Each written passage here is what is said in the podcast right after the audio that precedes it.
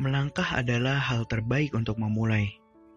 Jadi, mulailah melangkah apa pun resiko dan konsekuensinya.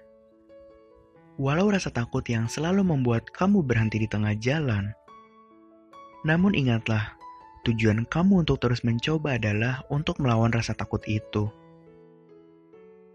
Walau terkadang kamu selalu berpikir, menunggu dan terdiam tanpa berbuat sesuatu, sedangkan waktu terus melaju. Jika kamu percaya pada dirimu, tak ada yang dapat menghentikanmu untuk mencapai apa yang kamu inginkan, lakukanlah yang terbaik sekarang. Karena akan lebih buruk bila menyesali yang berlalu dan mengkhawatirkan yang akan datang.